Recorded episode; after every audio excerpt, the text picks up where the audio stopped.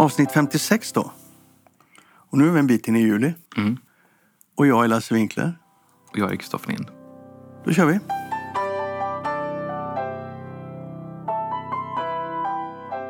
Det finns röster, internationellt finns det röster inom bokbranschen som jag tycker är väldigt spännande att, reflektera över.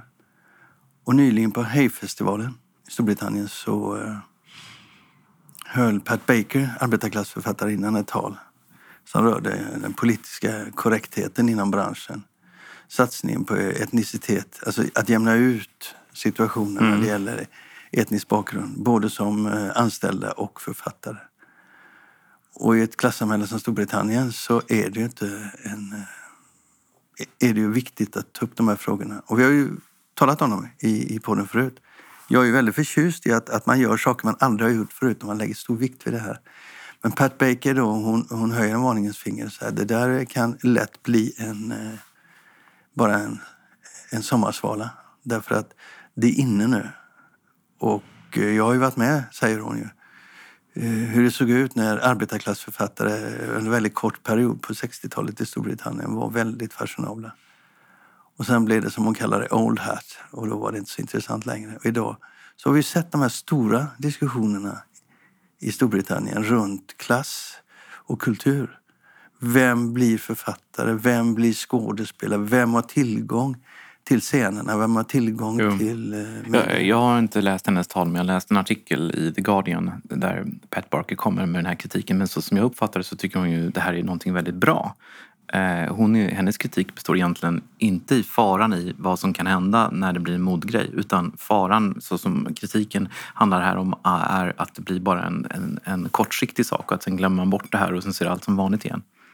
Ja. Hon, hon ser ju inte, för jag eh, skulle kunna liksom gå ett steg till i kritiken och säga att när man det är bra att man vill ha mer mångfald, det är bra att man arbetar aktivt med de frågorna. Men risken och faran när man gör det, det är ju att man går för långt, att man springer för fort och att man, just som du säger, det blir en modegrej. Och så lyfter man fram, alltså att klass kan också bli ett skynke. Um, Vadå skynke?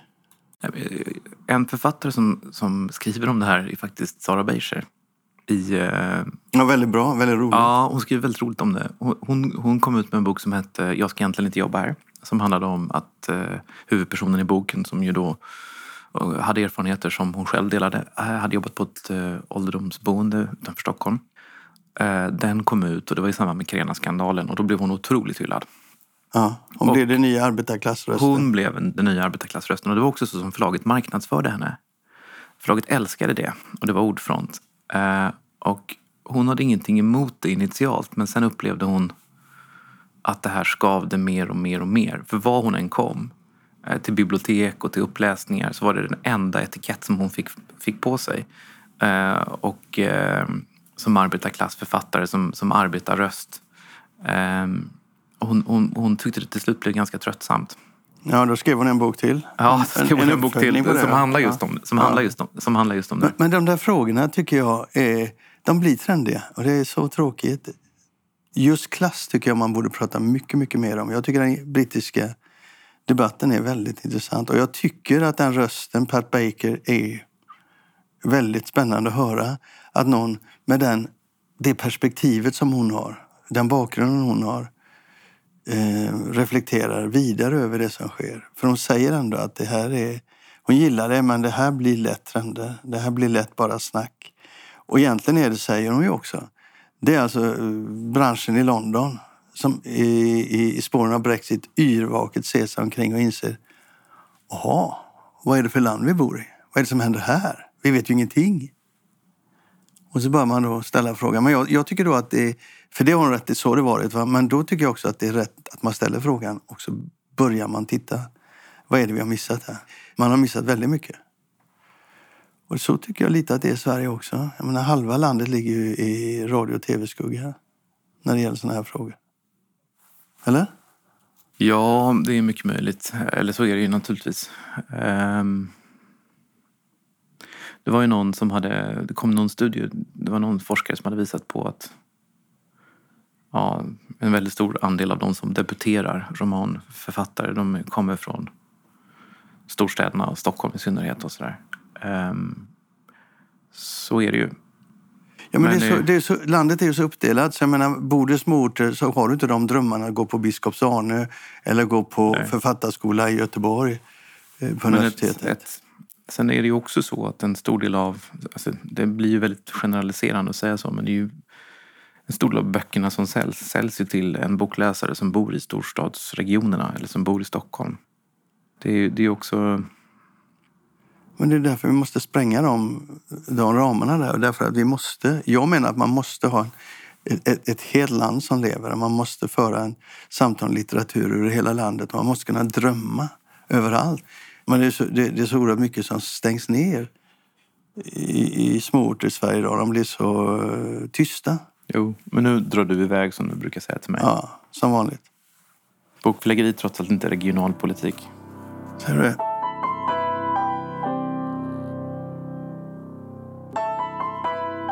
Vi brukar köra det ibland. Vad händer på förlaget? Och nu är det alldeles innan sommaren. Och eh, år som du brukar påstå, alltid påstå så är det den mest intensiva perioden i själva förläggeriet. Men det märker inte jag när jag kommer in här. Men vad händer? Alltså själva flägeriet vet jag inte om det är den mest intensiva perioden, men det är en väldigt intensiv period för produktion och redaktion eftersom allt ska till tryck före, alltså alla höstböckerna ska helst till tryck före sommaren. Eh, alltså före midsommar ungefär. Eftersom sen går folk på semester och eh, från mitten av juli fram till mitten av augusti går det inte att få tag, få tag på folk. Eh, och de böckerna som då inte är klara, de blir väldigt mycket jobb att få färdigt. De hamnar i knät på någon som inte hade jobbat med dem tidigare. Det blir väldigt mycket, och författarna är borta och sen så när Sen så eh, när alla är tillbaka i augusti så eh, är det väldigt liksom stressigt med massa annat som sätter igång. Och då, då, det finns ju sena höstböcker som rent teoretiskt skulle kunna göras klart då men det blir väldigt stressigt. Så att, därför är det här en hektisk period. Men vad, det, vad kan världen vänta sig nu då, utav dig? Du menar hur böckerna ska förändra världen? Nej. Vad, vad, vad är du mest nyfiken på utöver det vanliga? Så att säga? Du, ni är ju ett väldigt mycket eh, deckare och feelgood och det rullar ju på. Jag kommer ju att prata med en hel del av de Ja. författarna på Bokmässan. Så att det vet jag, för jag, jag följer dem. Men något annat som sticker ut som man inte kanske förväntar sig? Ja, nej men det är en bra fråga. Vad sticker ut? Vi har, man, man börjar med deckare så har vi ju två stycken ganska originella berättelser. Vi har, vi har en som heter Ett hem att dö för som är skriven av en debutant som heter Linda, Lina Arvidsson. Nu låter det här som reklam, men det var du som frågade. Eh, och det är ju en, en spänningsroman som absolut inte är någon deckare eh, och som har ett mycket originellt, mycket originell intrig och en mycket oväntad upplösning. Eh, Karin Aspenström som också tidigare skrivit böcker i lite olika genrer. Hon skriver en, en spänningsroman som också genremässigt mer, mer är roman än någonting annat och som inte heller är deckare eller, eller någonting annat som, som är spännande, eh, som avviker lite grann. Annars så är det ju så att det som är mest populärt det är ju de traditionella polisdeckarna. Såklart. Ja, såklart. Sen på, vad gäller skönlitteratur så har vi också en eh, Sirpa Kekkonen som vi tidigare givit ut. Eh, kommer med en bok som heter Brudar i svart som är första delen i en romansvit om fem delar som gestaltar Finlands historia ur ett antal kvinno, kvinnoöden i en liten finsk stad. Och det är ju lite roligt eh, med, med ett sånt väldigt ambitiöst projekt. En romansvit som, som eh, i fem delar då. Eh, första delen kommer nu i höst, andra delen kommer i vår. Eh, det är kul. Och det, samtidigt, så, vad som är extra intressant tycker jag, när du sa det ska jag tänka på det att Susanna Alakoski kom ut Ja. med en eh, liknande Ja, svit på det- Bonnier. Det är väldigt spännande. Men det var en familj som, som stack till Sverige då. Så det blir ett lite annat perspektiv på den historien, antar jag. Mm. Spännande att läsa parallellt. Vet du vilken tidsperiod den, den sträcker sig? Och det är bara en roman, va? Eller, eller är det en Nej, jag tror att det är en svit, faktiskt. Hur, vad händer på fackboksidan då? Något du skäms för? Något jag skäms för? Nej, Nej, men alltså på fackboksidan så har vi ju väldigt mycket bra böcker tycker jag. Ehm, och vi har en otrolig bredd. Jag menar, vi har, exempelvis har vi en bok som Men vänta lite nu. Om du tar bort alla böcker som handlar om eh, andra världskriget ja, och alla som handlar om finska vinterkriget, vad är kvar då? Ja, vi har exempelvis en bok om eh, fyra runt Östersjön. Av Och? Magnus Ritz. Vad är det? Ja, exakt. Nej, men det är ju faktiskt en bok som... Eh, vi kanske inte hade satt igång idag. Den, här- den här boken har hållit på med i åtta år. Magnus Fritz är en eh, ganska välkänd svensk eh, maritim fotograf som har tidigare gjort en bok som heter Svenska fyra. Han har gjort ganska många böcker faktiskt. Och eh, han är otroligt duktig på att fota just skärgården och sånt. Och han har velat, jag har varit på honom att vi ska göra en utgåva av den här boken med Svenska fyrar. Men han är en sån där eh, person som är så ambitiös. Han vill aldrig återanvända material utan alltid ta nya bilder. Eh, och då så sa han att jag vill inte bara göra svenska fyrar, jag vill göra fyrar runt hela Östersjön. Så det här har han hållit på med i sju, åtta år. Han har åkt helikopter, han har hyrt båtar, han har legat eh, i vassen och tidigt på morgonen. Han har, han har krupit över hedar och han har eh, även lyckats ta sig in i Ryssland faktiskt med specialtillstånd och fått fota några fyrar där som är på ett område som annars är stängt, som är militärt område det, det, är liksom en, det är en väldigt kul fackbok som, som kanske inte riktigt eh, bär sig helt ut. Vi får se. Har du inga sådana här utgivningar som du är riktigt stolt över? Där du vet att här går inte ihop. Det här gör jag bara av ren eh, kärlek till litteraturen. Det var ett tag sedan du gav ut den typen av böcker. Nej, men eh, jag tycker att det är en dålig utgångspunkt att säga det här är jag stolt över, det här går inte ihop. Det är ju precis den här klassiska uppdelningen att det smala inte går att sälja. Man ge ut böcker som både, både, både man är, alltså, dessutom finns det ju inte en sådan motsättning. Jo, det gör det. För att du har själv pratat med mig om det. Du har pratat om en, en, till exempel en, en, en fantastisk filosofisk bok. Ett litet samtal, tror jag det var. Tysk filosof som du upptäckte i London. Som du hade älskat att ge ut, men som inte bär sig. Men du har slutat ge ut den typen av böcker. För den gjorde du, gav du ut när du var yngre. Jag, kommer, jag vet inte riktigt exakt vad du, vilken bok du syftar på där. Men nej, jag har väl inte slutat ge ut den typen av böcker. Men man... Eh, eh, vi har ju faktiskt en hel del sådana på listan till hösten skulle jag säga. Några, några stycken i alla fall. Men jag vill inte picka ut dem för att det låter ju tråkigt att ha som utgångspunkt att de är svårsålda. Men det är ju också så att alla förlag har ju lite grann sina, sina nischer.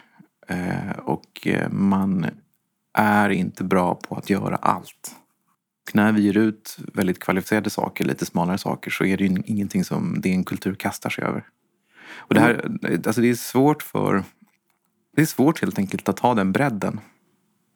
Och det, och det, vi, vi gör fortsättningsvis även sådana projekt, och klassikerprojekt och sådär. Men det, det måste vara sånt som, vi måste välja dem lite mer med omsorg och vi måste göra, välja saker som vi tror att vi kan lyckas med. Och finns det inte ibland du vill ge ut en bok som du vet att det här kanske jag aldrig kommer lyckas med. Men den måste finnas på svenska. Den är så otroligt bra. Jag struntar i. Jag ger ut väldigt många bra böcker. Eh, Det finns ju Ja, men fattar du vad jag menar? Jag förstår precis vad du menar, men ja, okej då, jag förstår precis vad du menar. Eh, om, jag hade, om, jag hade driv, om den drivkraften hos mig hade varit väldigt stark så hade jag inte stå, varit här där jag är idag. Eh, jag kan ibland tänka så här, gud vilken bra bok. Den kan jag läsa själv. Ja, men ibland, Det- jag menar så här, inte- ibland så får man offra lite för att man tycker det här måste finna, finnas på svenska. Eller har du blivit så cynisk? Om du hade gått tillbaka till dig själv för 15 år sedan. Då hade du gett ett annat svar på det där, för då visste du inte lika mycket. Är du mer cynisk idag? Nej, jag är inte mer cynisk idag, men jag skulle säga att det är... Det, ehm, dels så tror jag inte att man gör världen bättre genom att ge ut böcker som är riktigt bra. Utan ofta så är det, bygger bara förläggarens eget ego. Och det är jag helt ointresserad av. Jag har passerat, det, jag har ingen, det finns ingen prestige hos mig. Ehm, Jag måste inte ge ut böcker för att vara fin. Men det är faktiskt en väldigt viktig drivkraft hos många småförlag, att de ska vara fina. Fast ibland är det ju inte det. Va? Ibland Jo, är men det, det, är bara väldigt ett- mycket, det är mycket identitet. Ja, Eh, det, är mycket, det är identitet. mycket identitet. Och det, är- det är helt eh, ointressant för mig. Jag måste inte ge ut eh, eh, smala böcker för att liksom visa att jag är smart och eh, intelligent och fin. Eh, Ja. Och jag tror inte heller, det finns ju så mycket förlag som gör det och som gör det väldigt bra. Så att ska man, det det handlar mer om att man måste göra det man är bra på och att eh, det är svårt att ha den Linne Company har vuxit väldigt mycket. Det är väldigt svårt, det är väldigt svårt att det är väldigt svårt att ha den där bredden som jag alltid har älskat att man egentligen ska kunna ha. Och nu när du tjänar så mycket pengar på ljudböcker så tänker jag att du kunde starta ett förlag, ett imprint, som heter Lind tänker.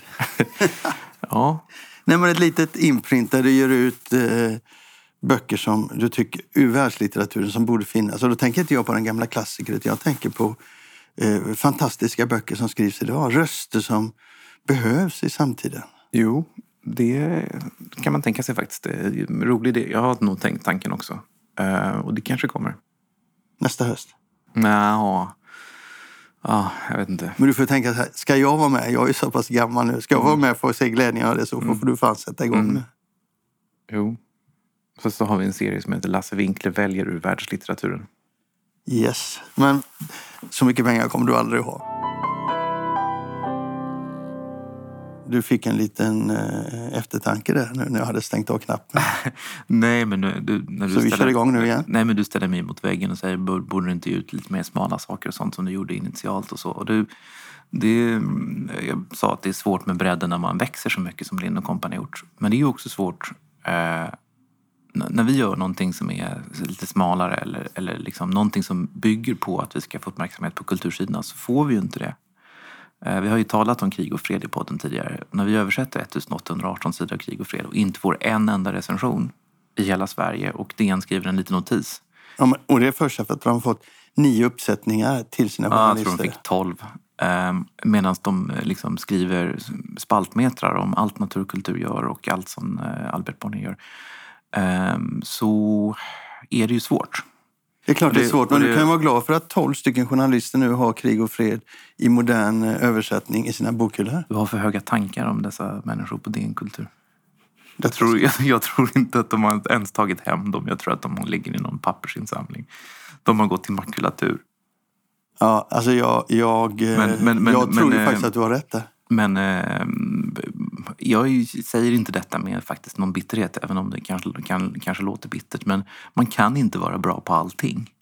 Eh, och vad det, vad det handlar om, om man ska försöka liksom eh, se det ur de här DNs människornas perspektiv, det är ju att eh, man bedömer ju böcker utifrån vilket förlag de kommer och man bevakar inte ett förlag som, som man tycker har få böcker av intresse. Eh, och sen så får det då en väldigt slagsida. Man tokbevakar och skriver om mindre kanske spännande böcker från, från förlag som man tycker har en relevant utgivning. Men det gör det ju väldigt svårt att ha en bredd. Det här är ju inte något problem som Linde Company har, utan det är också ett problem som Bonnier har. Det är ju därför de har jobbat med imprints. Att man har liksom, eh, alltså Forum har ju då de senaste åren haft det mer kommersiella och sådär. Även för Forum är det ju svårt när de ger ut Claudio Magris och sådär. Det är ju, blir ju fel förlag liksom för Claudio Magris. Ja. Men jag tänker på en annan sak. När det gäller kulturjournalister. Jag, har ju, jag borde egentligen tycka om kulturjournalister, men jag gör faktiskt inte det. Jag tycker att de misslyckas totalt i sitt uppdrag.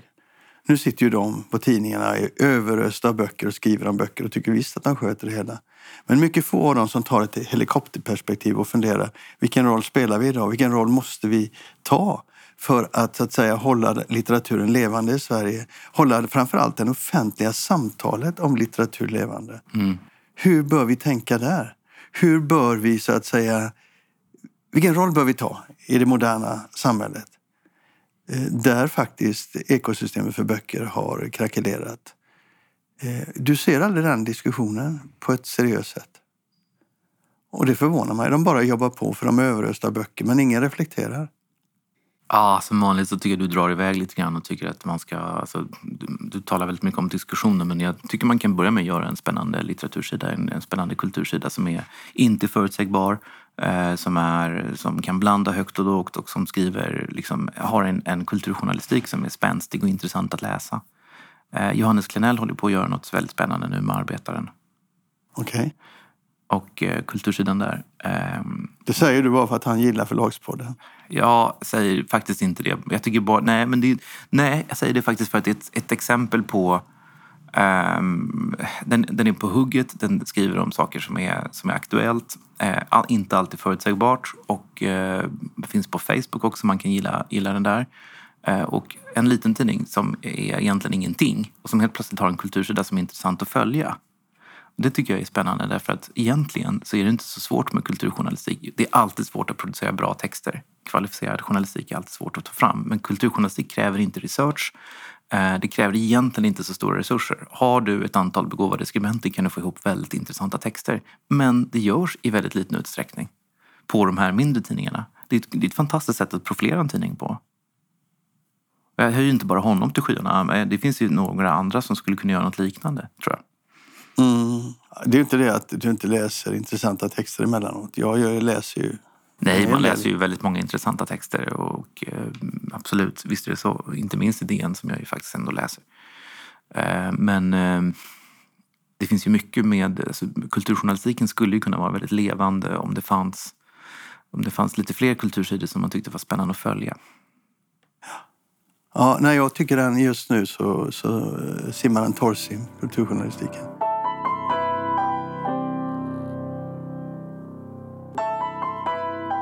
Jag läste, en, jag läste du har ju varit i debatten i, i, i Danmark. Ja. tyckte jag var rätt roligt. Först när jag såg det så tänkte jag, vad är detta? En glassig bild på dig och så sen en, en väldigt irriterad ton, eller kritisk ton kan man säga. Kan du inte berätta vad det var du, du Nej, gjorde? det, det finns något som heter Dansk Bokmarket som är som ett eh, svenskt bokhandel fast i, i ett veckobrevsform. Och där hade deras eh, chefredaktör skrivit om ljudboken och sen så hade han citerat mig. Han hade citerat mig hånfullt. Det var ett citat där jag sa att eh, i någon sammanhang hade beskrivit hur en, en, text ska vara för att funka bra som ljud. Att den ska vara rakt berättad, inte för många perspektiv och såna saker. Eh, han citerade det hånfullt och gjorde sig lustig över det och sen så, så skrev han att eh, den som argumenterar på det här sättet, det är också en person, eller den som gör det, den, den eh, visar också på att ljudboken inte eh, är så bra som den vanliga texten och att det är en utarmning av ljudboken och att det är ett, ett, liksom, ett sätt att betrakta ljudboken på som är plastigt och, och sådär. Ehm, ja. Och Och så, och, så skrev han, it, och så skrev han som rubrik skrev han It's the message stupid. Och då tände du till. Nej, jag tände inte till utan jag hade inte ens upptäckt det här om det inte hade påpekats då. Och då frågade han om jag ville skriva en, eh, ett inlägg mot det där och då gjorde jag det. Då skrev ett inlägg. Vem, vem är han? Ehm, Kristen Bonde som är, som är redaktör för det här danska. Ja, just det. Okej. Ja, berätta. Eh, Nej, men då så skrev jag ett svar på den här artikeln. Jag skrev It's not the message, it's the medium stupid. Eh, där min poäng var att han, hans eh, kritik då mot min kritik, eller mot, min, mot mig, eh, bygger ju på att man betraktar ljudboken som någonting lägre stående. Men framförallt också att man, att man inte kan acceptera att det som är i läst form faktiskt skiljer sig från det som man läser i skriftlig form. Och jag menar på att det, det är väldigt stor skillnad om du ska skriva dramatik eller om du ska skriva alltså dramatik för teater eller dramatik för film. Alltså den typen av manus du skriver, de måste se helt annorlunda ut. Eller men bara om du tar eh, romanförfattare och poeter, det är en helt annan, det är helt olika människotyper. Poeter skriver nästan aldrig särskilt bra romaner. Eh, men en poet kan i en enda mening formulera, formulera livsinsikter och ge oss aha-upplevelser som, som kanske inte ens en hel roman kan ge oss eller förmedla oss. Så det är ju det är helt enkelt olika, olika uttrycksformer. Och Det är ju samma sak med, med film och tv också. Att det är liksom det, en bok är ju, den skrivna texten är ju oslagbar där. Um, så det var, det var väl lite grann min huvudpoäng. Och sen också att det som han ger uttryck för är ju den här rädslan hela tiden då. Att det är, boken, är, alltså ljudboken är, är faran som, som hotar oss. Eh, och då gjorde jag den reflektionen som jag tror att jag även gjort kanske i podden tidigare. Att väldigt mycket av det vi ser i bokbranschen som är problematiskt och utmanande. Det är ju, har, grundar sig i liksom strukturella förändringar som inte har någonting med ljudboken att göra. Och som var här långt innan ljudboken kom. Det vill säga att bokhandlarna har problem. Eh, många bok, boklådor försvinner. Eh, de tryckta upplagorna sjunker. Vi har ju vi sett i Sverige långt innan Storytel blev stora. De här stora upplagorna vi hade på för 10 år sedan, 15 år sedan finns inte kvar. Eh, Kultursidornas minskade betydelse och räckvidd. Allt det där är ju liksom omvärldsfaktorer som inte har någonting med ljudboken att göra. Ja, men sen är det också det att, att eh, det som jag också brukar komma tillbaka till. För när jag läser den så reflekterar jag lite annorlunda än vad du gör. Du, Förutom, du brukar ju göra det. Ja. ja. Nej, då tänkte jag så här. Eh, vem bestämmer tolkningen av verkligheten? Om man tänker så, han bonde och väldigt stora delar av branschen är rädda för ljudboken för de ser det som en konkurrent till pappersboken. Och det brukar ofta uppstå när, när eh, nya fenomen kommer och ljudboken är fortfarande, i alla fall den strömmande ljudboken är fortfarande ett nytt fenomen. Den har överraskat oss, den har blivit fantastiskt omfattande. Eh, och så går man inte på djupet och förstår dem ordentligt. Precis som du säger, det är kompletterande olika uttryck som stärker berättelsens ställning. Som stärker litteraturens ställning, tycker jag, i samtiden. Men så tänker jag vidare där, vem bestämmer hur vi tolkar verkligheten? För det är ändå så att om du tittar på en frisk bransch eller en frisk eh, omgivning så kännetecknas den i min värld av en öppet samtal, av mycket information, av mycket kunskap som du kan ta dina beslut på. Och jag tycker att bokmarknaden i Sverige kännetecknas av brist på kunskap. De som så att säga tolkar samtiden, de som har tolkningsföreträde just nu är ju de som säger att, att den strömmande ljudboken tär på pappersboken och det påverkar negativt och du får en negativ debatt.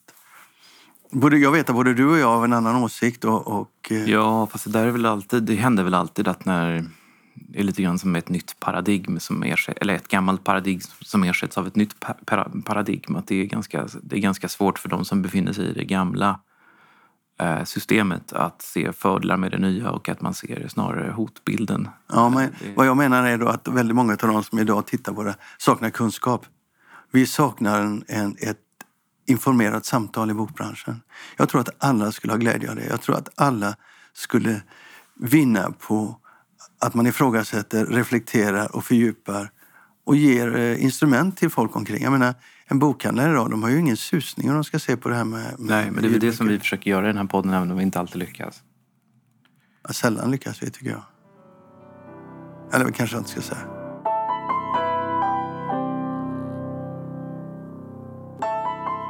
Det var allt för avsnitt 56 och nu går vi på sommarlov. Nej, vi har ju avsnitt 57 också. Ja, just det, det gör vi. Ja, just det. Vi har ett mm. avsnitt till. Ja.